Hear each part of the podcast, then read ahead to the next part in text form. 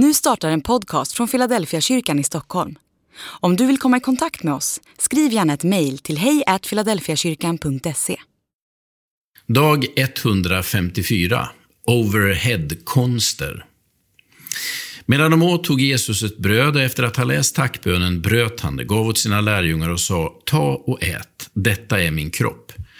Och han tog en bägare och efter att ha tackat Gud gav han den åt dem och sa, drick av den alla. Detta är mitt blod, förbundsblodet som blir utgjutet för många till syndernas förlåtelse.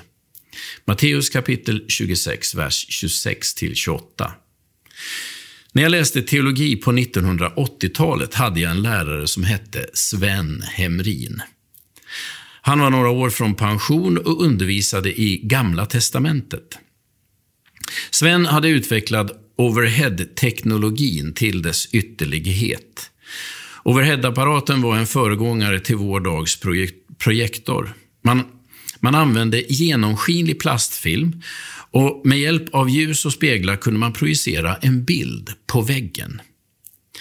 Stenålders jämfört med vår tids teknologi, teknologi men hett på 1980-talet.